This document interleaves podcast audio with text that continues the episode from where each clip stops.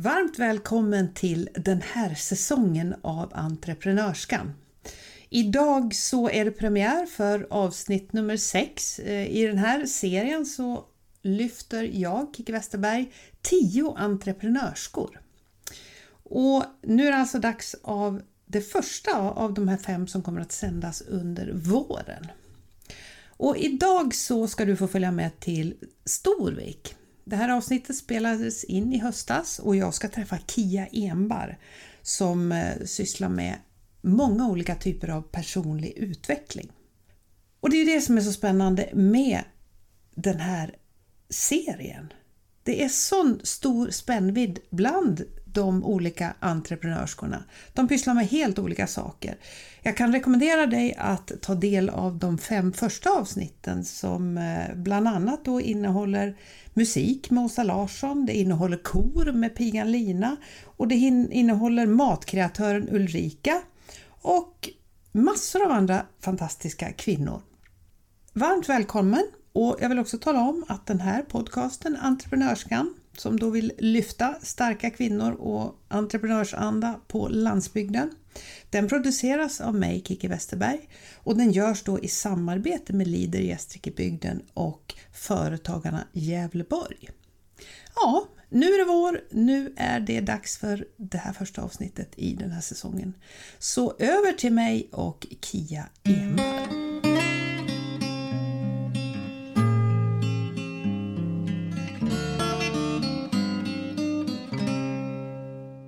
Idag så har jag landat i Storvik, inte så himla långt ifrån mig. Och här sitter jag med Kia Enbar. Och om man ska läsa på hennes visitkort så står det tarot, det står drömtolkning, det står eh, trummor, ljudkommunikation, mycket om intuition, vedic art, eh, personlig och andlig utveckling. Mm. Mm. Vad kul att jag fick komma hit. Ja, men vad himla roligt mm. att du är här. Vill du lägga till någonting till den ja, långa listan? Jag tänker, jag har ju dukat upp en massa mm. saker här på bordet och det som tar mest plats här skulle man kunna säga är Transformation Game. Mm. Det är ett coachingverktyg för personlig utveckling. Mm. Och det har den där, in, ja, jag ska inte säga lekfull som naiv, men den här lekfulla, lite lättsamma men ändå djupa uh, approachen till personlig utveckling. Mm. Så det är många aspekter av personlig och andlig utveckling. Mm. Så det är väl det som är det sammanhållande? Ja, det är det verkligen. Det är väl det vi gör i... Jag säger vi, för min man är med väldigt mycket i det. Mm. Det som är skapat. Eh, så det är väl vår, vår röda tråd. Mm. Så att egentligen gör vi samma saker hela tiden fast mm. det är ett, ett annat typ av instrument. Då, som mm. till exempel tarotkorten eller som djuren. Mm. Men den röda tråden är, ja men vem är du? Är, är du okej? Okay? Mm. Vill du vara någonting annat eller vad har du med dig? Och kan du förstå att du har större potential än du tror att du har? Mm. Och då tänker jag på den intuitiva och den, eh, den, här, den här sidan som visar medkänsla till mig själv och till livet och mm. till alla andra. Mm. Den är mycket större än vad man tror. Mm. Eh, vad spännande. Jag gjorde ju lite research på dig, eh, sådär lite extra nu sådär inför eh, den här intervjun. Mm. Och jag hittade en artikel från 2011 på Arbetarbladet. Jaha. Eh, om en mässa. Just En hälsomässa. Just jag tror att det var Forsbacka, va? Kan det vara så? Eller någonting. Jo. Ja, just det. Ja. ja. I alla fall så i den här artikeln så, det, om man säger så här, den var inte jättepositivt skriven Nej. den här artikeln utan eh, det var en mycket skeptisk reporter som gick runt och testade en massa olika grejer och, och där mötte han ju även dig då. Mm. I, jag tror att det var tarot det var frågan om då va? Ja, jag kommer mm. ihåg det. Jag hade mm. en kund och han frågade, får jag vara med och lyssna? Ja. Så var det. Ja. Eh, och, och, det där fick mig att le lite grann. 2011, då, 2023, idag. Mm. Eh, vad tänker du, vad har hänt med det här området personlig andlig utveckling? Ja, framförallt har det varit väldigt många TV-program eller serier omkring. Och då har det oftast varit den här mm, andekontakt-delen mm. av andlig utveckling. Skulle kunna heta själslig utveckling också. Så det är väl den som har kommit fram tydligast. Och där tror jag många människor har suttit med, jaha, var det det jag upplevde då? Mm. När, när jag gick in i det där huset eller när jag vaknade mitt i natten. Och att folk har sett att men jag är inte själv i mina konstiga upplevelser. Jag kanske inte är så konstig som jag tror att jag är. Och så tänker jag att folk har börjat prata, det har blivit lite mer allmänt. Sen har vi fortfarande den vetenskapliga delen av det. Som jag, jag är inte så insatt i det. Men eh, att det ska komma fram mer och visa på att det finns liv efter döden eller vad är själ och så vidare. Att Det är kanske är det som behövs också för att det ska växa ännu mer. Vad tror du, tror du att vi söker mer idag eller mindre? Eller är det, är det bara det att vi pratar om det? Jag tror att vi söker mer och jag tror att vi söker för att vi känner oss vilsna. Mm. För att utbudet, det här livet, det är så... Det är för stort. Mm. Vi behöver liksom landa i oss själva. Och det kunde vi nog göra mer förut. Då tänker jag liksom 100-200 år tillbaka. När vi ändå levde ett med naturen. Eller vi var... ehm, vår familj var de som vi umgicks med mest. Att vi, vi behövde vara i oss själva, med oss själva och mer i nuet. Även om det kanske var ett hårt arbete. Mm. Men idag är vi så flyktiga. Vi är så grunda. Mm. Vi får så mycket intryck. Så att jag tänker att när man inte är grundad i sig själv så tappar man, man kanske bort sig själv. Mm. Så där tror jag absolut att vi är mer sökande idag. Och vi har ju inte tron, vi har inte religionen så mycket heller. Som det visar sig. eh, Det här med ehm, den här andliga hälsan eller ohälsan. Mm. Folk som ändå har en stark religion har ju också en stark community. Mm. Och då vet vi vad vi tror på. Mm. Så, och där håller vi ihop. Mm. Men har vi inte någon, den här sammanhållningen längre så tänker jag att då måste man utveckla sig själv mer. Men man behöver ju fortfarande stöd. Mm. Så jag tror det är Sverige och Japan som ligger längst bort på den här psykiska ohälsan när det gäller, för vi är minst religiösa. Mm. Det var någon, någon rapport som kom för några år sedan. Ja, det här, man säger det här sekulära samhället Ja, så, som, eh, som, som vi ändå lever i. Så jag, har ju, jag jobbar ju också en hel del med de här frågorna i, i det som jag gör när jag inte gör den här podden. Eh, Så just det här att, att vi har ett, att vi- vi, vi, vill, vi vill söka om livets stora frågor. Jag pratar ofta om existentiella frågor. För det, eh, och där kanske du också har något liksom sån här andligt existentiellt. Jag, jag, det var någon som sa till mig att här i Sverige, det finns ju en, WHO har ju några, Ja, det var den de, här åtta, de här om. åtta Ja, begreppen då. precis. Eh, Men i Sverige så kallar vi dem existentiella, för vi vill inte kalla dem för spirituella. Spiritual health heter det ju på engelska. Eh, Och det är lite typiskt Sverige tycker jag, att det är lite sådär, det är lite, Lite lagom. det är lite, ska vara lite lagom och då blir det existentiellt. Mm. Eh, Men det här som du gör, eh, och som du, som du driver ditt företag på, liksom, eller med ska jag säga. Eh, det är ju inte lagom, tänker jag. Ehm, nej, som tur var tycker jag själv att jag är ganska normal själv i alla fall. Men om, även om det jag gör är lite udda. Ehm, ja, Eller är det så? Är det udda? jag, alltså för mig är det inte udda, men då, kan, då måste jag påminna mig själv om att de jag umgås med är likasinnade med mig. Sen om jag kliver utanför min trygga sfär, mitt nätverk eller min, ja, min kompiskrets, då ser ju livet och världen helt annorlunda ut oftast. Men som jag, som jag nämnde där med att det börjar bli aktuellt på TV, att folk börjar fundera, oh, men vad var det jag upplevde där egentligen? Så tänker jag att det är inte så udda där ute heller, det är bara att det, det pratas inte så mycket om det. Ehm, Men för mig har det ju börjat med ett intresse som det gör för många, som det gör för många andra. Att man söker eller man undrar eller man är med om saker. Men, berätta lite grann om din, om din entreprenörsväg. Liksom, För du har ju hållit på länge med det Ja. här. Du är ju ingen, ingen nybörjare. Nej, i år blir det 19 år. Ja. 19 år som företagare. Sen var det ju många år i liksom, lärling och träna och Mm. Åh, vad det här är spännande! och umgås och prata med kompisar om det. Ehm, Men det var ju så det började. Det började med ett intresse. Ja, just det. Faktiskt kom, det från, kom jag från djurvärlden först. Mm. Jag var, hängde mycket i stallet och på Brukshundklubben och så. Mm. och hade hört talas om det här med djurkommunikation. Mm. Men tänkte att ja, nej, så. Mm. Jag såg något, kom in i slutet på ett program på TVn och det var någon djurkommunikatör. Jag tänkte nej, det där kan inte stämma. Så kan det inte vara. Men jag kom i kontakt med en djurkommunikatör. Mm. Och eh, jag tog ner henne till, eh, till klubben, till Brukshundklubben, eller till hundungdom var det egentligen. Där var jag mest engagerad. Och hon föreläste, hon gjorde konsultationer på våra, på våra hundar.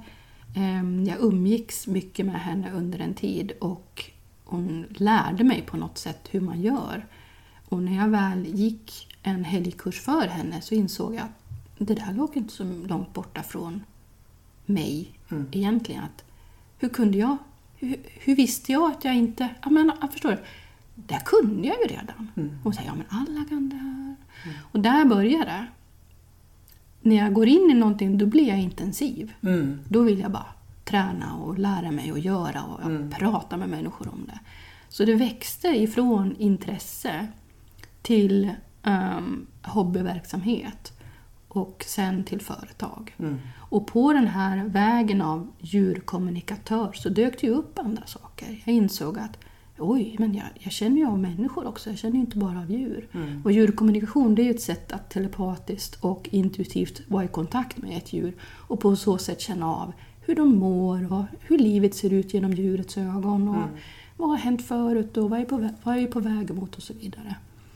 Eh, och då insåg jag, men det där, jag kan ju göra det med människor också. Mm. Det var samma sak. Så det ena gav det andra hela tiden. Något, något intresse väcktes för andevärlden i någon sån där, sånt där möte jag hade. Men ja, det här är ju också samma sak. Fast det är bara olika inriktningar. Mm. Förmågan är samma. Sen kan jag välja vad jag vill använda det till. Mm. Så det var oundvikligt för mig att starta företag. För hur skulle jag annars kunna fortsätta upptäcka och utforska och träna och visa på och lära ut? Då? Det var oundvikligt. Så jag är inne på 19 året i år om jag har räknat rätt. Mm. Ja. Och hur, eh, hur har det förändrats? Har det varit mer av vissa saker och mindre och sådär? eller? Absolut, hela tiden. Och det är därför det kanske ser lite rörigt ut här på mitt Jag tycker det köksbord. ser väldigt spännande ut. Du skulle se här, du som lyssnar. Det är många grejer här på Många bordet. saker. Mm. Det kan ju verka lite rörigt men som entreprenör så har jag förmånen att göra det jag tycker är roligast. Mm. Och det som just då, om vi nu, vi nu ska tänka pengar, Mm. det som just då är efterfrågat, Mm. då gör jag ju lite mer av det såklart. Ja, just det. Ja. Mm. Och jag tror att jag inte, jag skulle nog inte klara mig att hålla mig i ett fack. Då skulle jag bli för, ja, för, för, för, för fastlåst i det. Mm. Så att det här passar mig jättebra. Att under, eh, under en djurkommunikationskurs så är det någon som eh, det väcks intresset för tarot till exempel och under tarot så väcks intresse för de här meditationerna vi håller. Eftersom jag använder trumman i meditationerna. Då är det någon som vill lära sig trumma. Och sen kommer de på en trumkurs och då vill de ha en egen trumma, då säljer jag trumman. Så vill de ha en sån där speciell trumpinne som jag har, ja, men då gör jag en sån trumpinne. Då skapar jag en sån.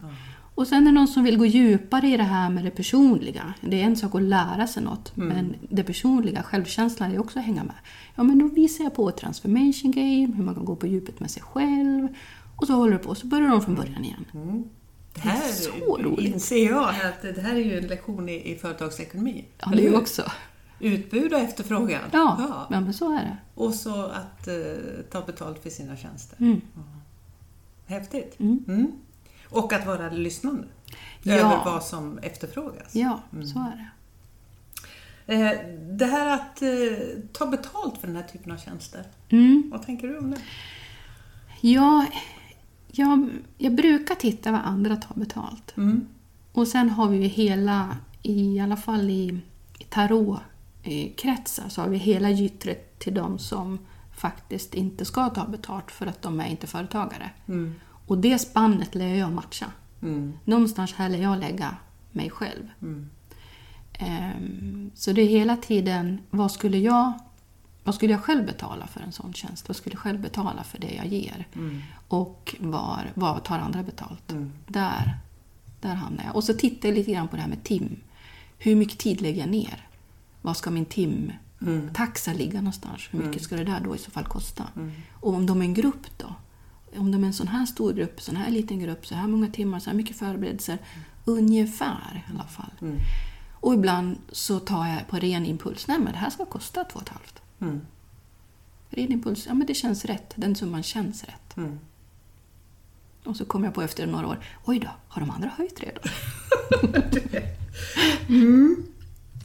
Mm. eh, Du har ju ett begrepp som jag gillar.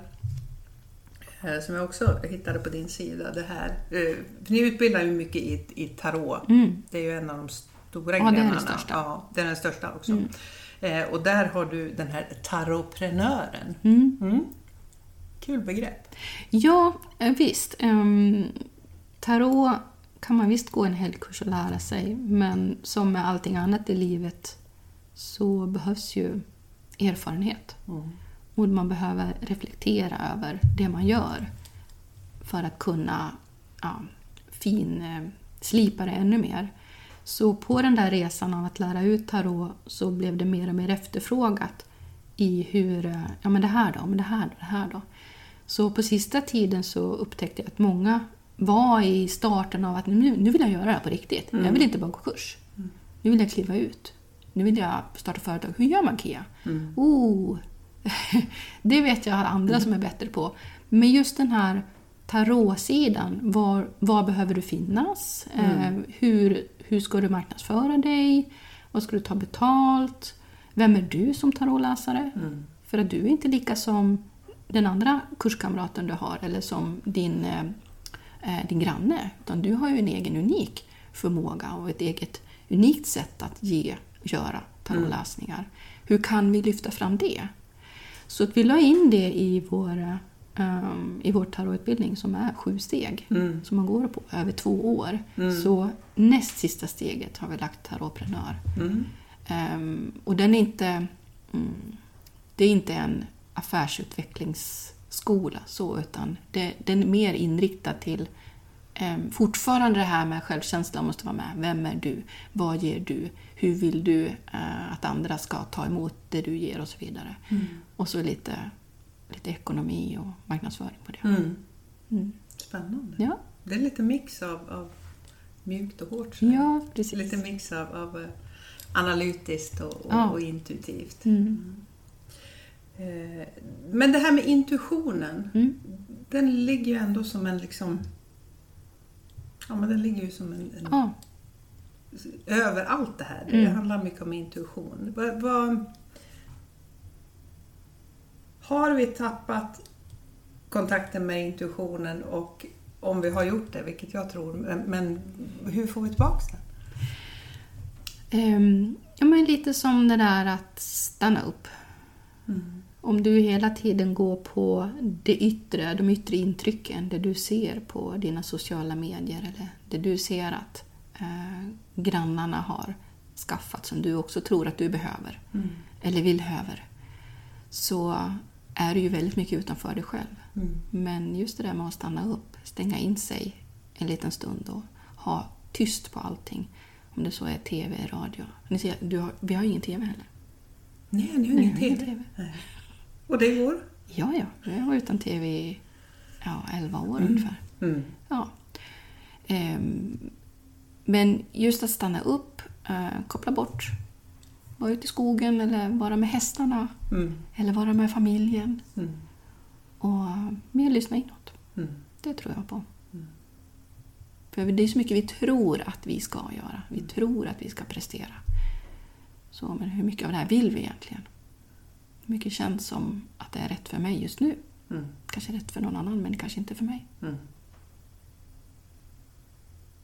Vilket område brinner du mest för just nu? Och det är jättesvårt. Vet du vad? Så fort jag står inför en grupp och så ska jag undervisa i någonting och säga det här är den roligaste kursen. Det här är det roligaste jag vet. För det är alltid just nu Mm. det roligaste. Mm. Men ja, så det är säsongvis. Nu har jag tillbringat en, en sommar med att måla mycket. Mm. Så just nu brinner jag mest för måleriet. Mm. Men jag vet att nu när hösten kommer igång, då kommer det bara vara tarot. Mm. Tarot, tarot, tarot. Så då kommer brinna för det. Mm. Vilka utmaningar har du stått på, stött på under åren? Som, som entreprenör eller som... Mm. Och få tiden att räcka till. Mm. det här med att skapa en onlinekurs är lika med att klona sig. Det kanske är sant på ett sätt. Ehm, men fortfarande det här med vilken är din passion, vad brinner du för? Mm. Tänk om, tänk om dygnen var längre. Mm. Ehm, Det är det ena. Att, att kunna hinna med allt jag skulle vilja göra. För det är så jag funkar. Jag får en idé, jag blir engagerad, jag vill göra det, jag gör det och sen så har det gått tre veckor och sen, ja just det. Mm. Det var det här jag skulle göra egentligen. så får tiden räcka till tycker jag. Ehm, och sen det du var inne på, hur tar man betalt? Hur får man det att vara ekonomiskt? Ekonomin har aldrig legat i första rummet för mig. Utan det är passionen och glädjen och att sprida. Det har alltid legat först. Att få u- vidareutveckla mig själv i och med det jag håller på med. Och på så sätt ehm, ja, ge det till, till världen om man säger så. Mm. Så ekonomin har ju släpat efter. Så det kan jag tycka är en utmaning. Mm. Sen är jag, är jag inte det ekonomiska eh, geniet heller. Så jag får liksom lära mig. Jag får folk få lära mig det. Men jag tänker där, på den resan så, så har du ju förmodligen avstått från saker. Ja, Som TV. som TV. Nej men jag tänker... eh, Jo men så är det. Det är ju prioriteringar. Mm. Ehm, en annan utmaning när det gäller prioriteringar det är just när ska man sluta? Mm. När, när ska man stämpla ut? Mm. På den här dagen, eller på den här veckan eller på den här månaden. Mm. För det rinner gärna iväg. Tiden rinner gärna iväg. Det är svårt att stänga av entreprenörshjärnan. Mm. Nej, men nu ska inte jag tänka på jobb. Och så kommer det in på alla kanaler, Messenger, på eh, mail, där någon, någon ringer. Och så vill jag på något sätt svara direkt. Och så ska jag egentligen inte göra det. Försök, jag försöker lära mig själv att jag ska inte svara direkt. Det där kan vänta tills imorgon, Kia. Mm. Annars är jag påslagen hela tiden. Så just de där begränsningarna. När ska jag stänga av? Det tycker jag kan vara utmanande. Mm. Men det är bara för att jag tycker det är roligt också. Mm. Kan man eh, bränna ut sig på någonting som är ens passion? Absolut. Mm. Så är det. Det är inte omöjligt. Man. Nej. Nej. Mm. Men jag säger att jag har tur. Alltså jag är lycklig i att få göra precis det jag vill. Det ligger också väldigt högt på min skala av varför gör du det här? Ja, men jag får göra precis det jag vill. Och jag mår bra när jag gör det. Så den starkaste drivkraften hos dig, Ja, är det det? jag skulle säga att det är det. Just det här att få vara en problemlösare. Åh, oh, det här var ju intressant. Men vad spännande, det här vill jag göra. Hur ska jag göra det? Mm. Eller du kommer till mig med en fråga. Eh, Det här brukar jag fastna i i mitt liv. Vad beror det på? Oh, men det får jag titta på det en stund. Mm. Och så gärna gå till botten med saker och ting. Mm. Så, sånt tycker jag är roligt. Mm. Mm. Vad gör du om fem år då? Ska jag... Ja, precis. Det kanske du ser redan nu. Men, nej, men jag tänker, vad, vad, vad drömmer du om att utveckla?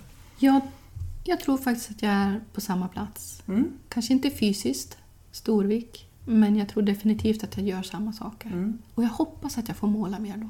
Mm. För det ger mig sån eh, ro att måla. Och du målar ju både som konstnär och Mm. eh, du handleder folk också Mm. lär ut det. Ja. Är det någon skillnad i de två delarna?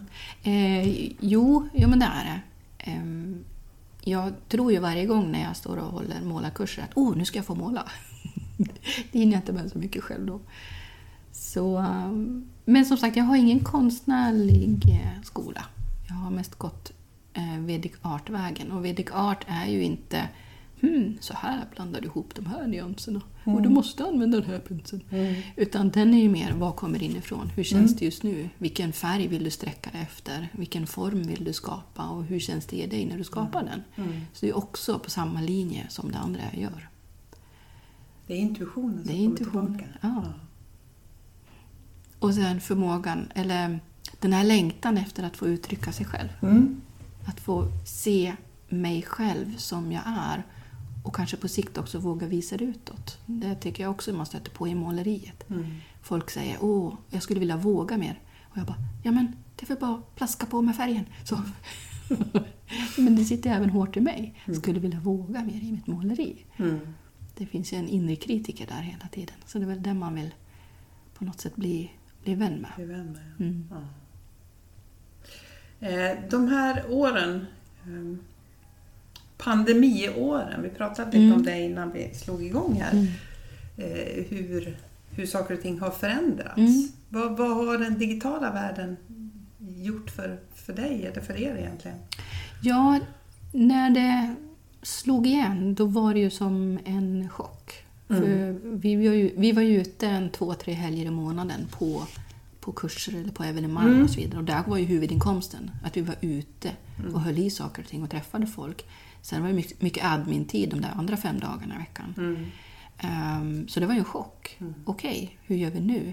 Men samtidigt var det um, var någonting i mig som blev, blev väldigt lycklig. För jag jobbade alldeles för mycket och tänkte jag hinner inte med mig själv.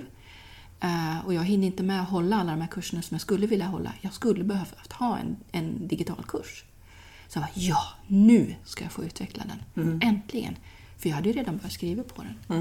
Så det är det som hände under pandemin. Det blev mycket Zoom istället för live. Och sen att jag började skapa de här tarotkurserna och kunde då vidareutveckla dem. För det finns ju en gräns för vad du hinner ge en grupp på en helg. Men får du göra det digitalt så kan du gå djupare i vissa detaljer och du kan eh, lägga till vissa detaljer som du inte har hunnit med under en helg. Så det var ju guld för mig. Så jag skaffade mig utrustning för att kunna spela in. Och det är en helt ny grej att sätta sig framför eh, kameran. så det är också utvecklingsbart. Eh, men, eh, så det är som, det som har hänt efter, efter pandemin. Att vi har inte så mycket live längre utan vi har mest digitalt. Och där tänker jag att folks beteenden har ju förändrats där. Mm. Eh, Ibland känner jag att man söker efter digitala alternativ för att det är liksom enkelt och man behöver inte resa. Mm. Och liksom, Eh, men hur, hur, hur vill du helst jobba? Eh, Är det rent digitalt eller en kombo? Eller vad, vad, vad tänker du? Jag måste ju säga att jag blivit lite bekväm under de här pandemiåren och tycker att det är rätt skönt att när jag stänger av datorn, då är jag hemma. När jag går ut från kursrummet, då är jag redan hemma. Eh, jag tror inte alls på att man ska plocka bort live-kurser eller fysisk interaktion. Men just de här tunga kursblocken vi har har varit skönt att ha det på det viset. Sen tycker jag och vi fortfarande att det är superhärligt att åka ut med, med trumman och med storytelling och med liksom, eh, just det här som man behöver göra fysiskt. Också tarot, absolut. När vi har liksom, fysiska tarotträffar så är det helt, helt eh, fantastiskt. För det är en magi som uppstår där. Man hinner ju småprata med varandra på ett annat sätt. Men det här att göra liksom, ja, men, olika typer av Mm. vägledningar, coachningar eller, eller vad vi nu kallar det för någonting. Eh, att göra det digitalt kontra att göra det så här som du och jag sitter nu en till en. Hur förändrar det din upplevelse på något vis? Eller är det en vanlig sak? Eller? Ja, Då måste jag säga med mina tarotkonsultationer, de gjorde jag mest skriftligt. Mm. Jag valde att göra det när jag blev själv med mina barn. Mm. Svårt att ta emot fysiskt, Mm. upplevde jag. Eh, tidsmässigt. Så att jag gjorde mycket skriftligt. Så digitalt för mig, eller online för mig, när det gäller konsultationer, Mm. då har jag börjat se folk, men via Zoom då. Så, det, så var det för mig, den utvecklingen var Ja, det för mig. precis. Så det, det är lite åt andra hållet. Mm. Ja. Vilket jag uppskattar jättemycket. Ja. Nu börjar jag tycka det är roligt. Mm. Jag har alltid tyckt det var roligt att vara en skrivande konsult, tarotkonsult. Då. Mm. Men nu tycker jag de här muntliga är himla härliga. ja, just det. Mm. Eh, Det är inte så att det försvinner liksom någon, någon kontakt, någon intuitiv kontakt så Nej. via, Nej. via nätet? Nej, och vi hör det från deltagarna också. Jag menar, har vi folk från både Skåne och Lappland som har möjlighet att gå kurs för oss. Mm. De är otroligt tacksamma. Och vi hörde va, vid varje kurstillfälle så hör vi wow, alltså, vi har fortfarande den här känslan i rum. Det känns inte som att vi inte ses fysiskt. Mm. Så det handlar också om hur man skapar stämning eller hur man skapar, in, skapar interaktion med, med kursdeltagarna sinsemellan eller med oss och kursdeltagarna. Mm. Så att eh, förvånansvärt har det, varit, har det varit väldigt positivt att ha det där. Mm. Och intuitionen har inte försvunnit i Zoom-rummet kan jag Mm. säga. Några avslutande frågor, tänker jag. Sådana här korta frågor. Får vi se vad, vad du säger om de här. Eh, det här gör mig förvånad. Menar du med entreprenörskapet eller världen? Vad som helst? Vad som helst. Okej. Ja. Det gör mig förvånad, nu låter det fördomsfullt, att folk fortfarande röker och dricker. Mm. Fast man vet att det är skadligt. Det här gör mig arg. Att vissa sådana här äh, förändringssträckor är väldigt långa. När det gäller, igen då, vad som är bra för en och inte. Mm. Och det här gör mig glad. Familjen. Vem skulle du vilja lyfta då som har hjälpt dig längs vägen? Och det är jättemånga människor. Mm. Jättemånga människor. Bland annat har jag en väldigt fin eh, kompis i Gävle. Som vi har väl gått parallellt med det här intuitiva och andliga och mediala. Camilla, eh, min kompis Camilla. Och sen framför allt min man, Magnus. Det är så häftigt att få ha en levnadskamrat som går samma väg på ett sätt. Men det betyder ju inte att vi är lika eller tycker lika om saker och ting. Men ändå när, att det finns en öppenhet och förståelse och att vi också kan ha ett djup tillsammans. Mm. Ja, det här att, eh, att, att jobba, att driva Mm. företag med sin man. Mm. Mm. Fantastiskt. Ja. Mm. Jag är väldigt avundsfrisk på mig själv. ja. Det är fantastiskt. Nu har ju han ett eget företag och jag driver mitt. Det är han som står för drömtolkningen Mm. till exempel. Mm. Ehm, men bara ha någon att bolla med. Mm. Som egenföretagare blir det väldigt ensamt. Mm. Och visst, man kan ha kollegor i samma bransch eller andra branscher. Ehm, men just att ha en som känner en ända in under skinnet. Mm. Och att vi på något sätt kan umgås och göra det vi gör. Och utvecklas tillsammans. Det är helt fantastiskt.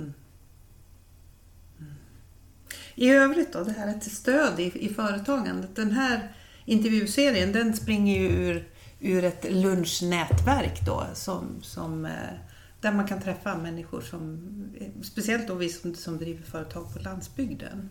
Vad tänker du om det här med stöd? Du har ju varit med i många och deltagit i, flera sådana här saker Mm. där man samverkar. Mm. Mm. Ja, men det har jag. Och framförallt tycker jag det är eh, jättebra när man inte är från samma bransch. För att Mm. man kan lära sig av varandra på det viset. Ehm, och sen har det ju varit bra också att ha ehm, en eh, liksom stödfunktion där man är inom ungefär samma områden.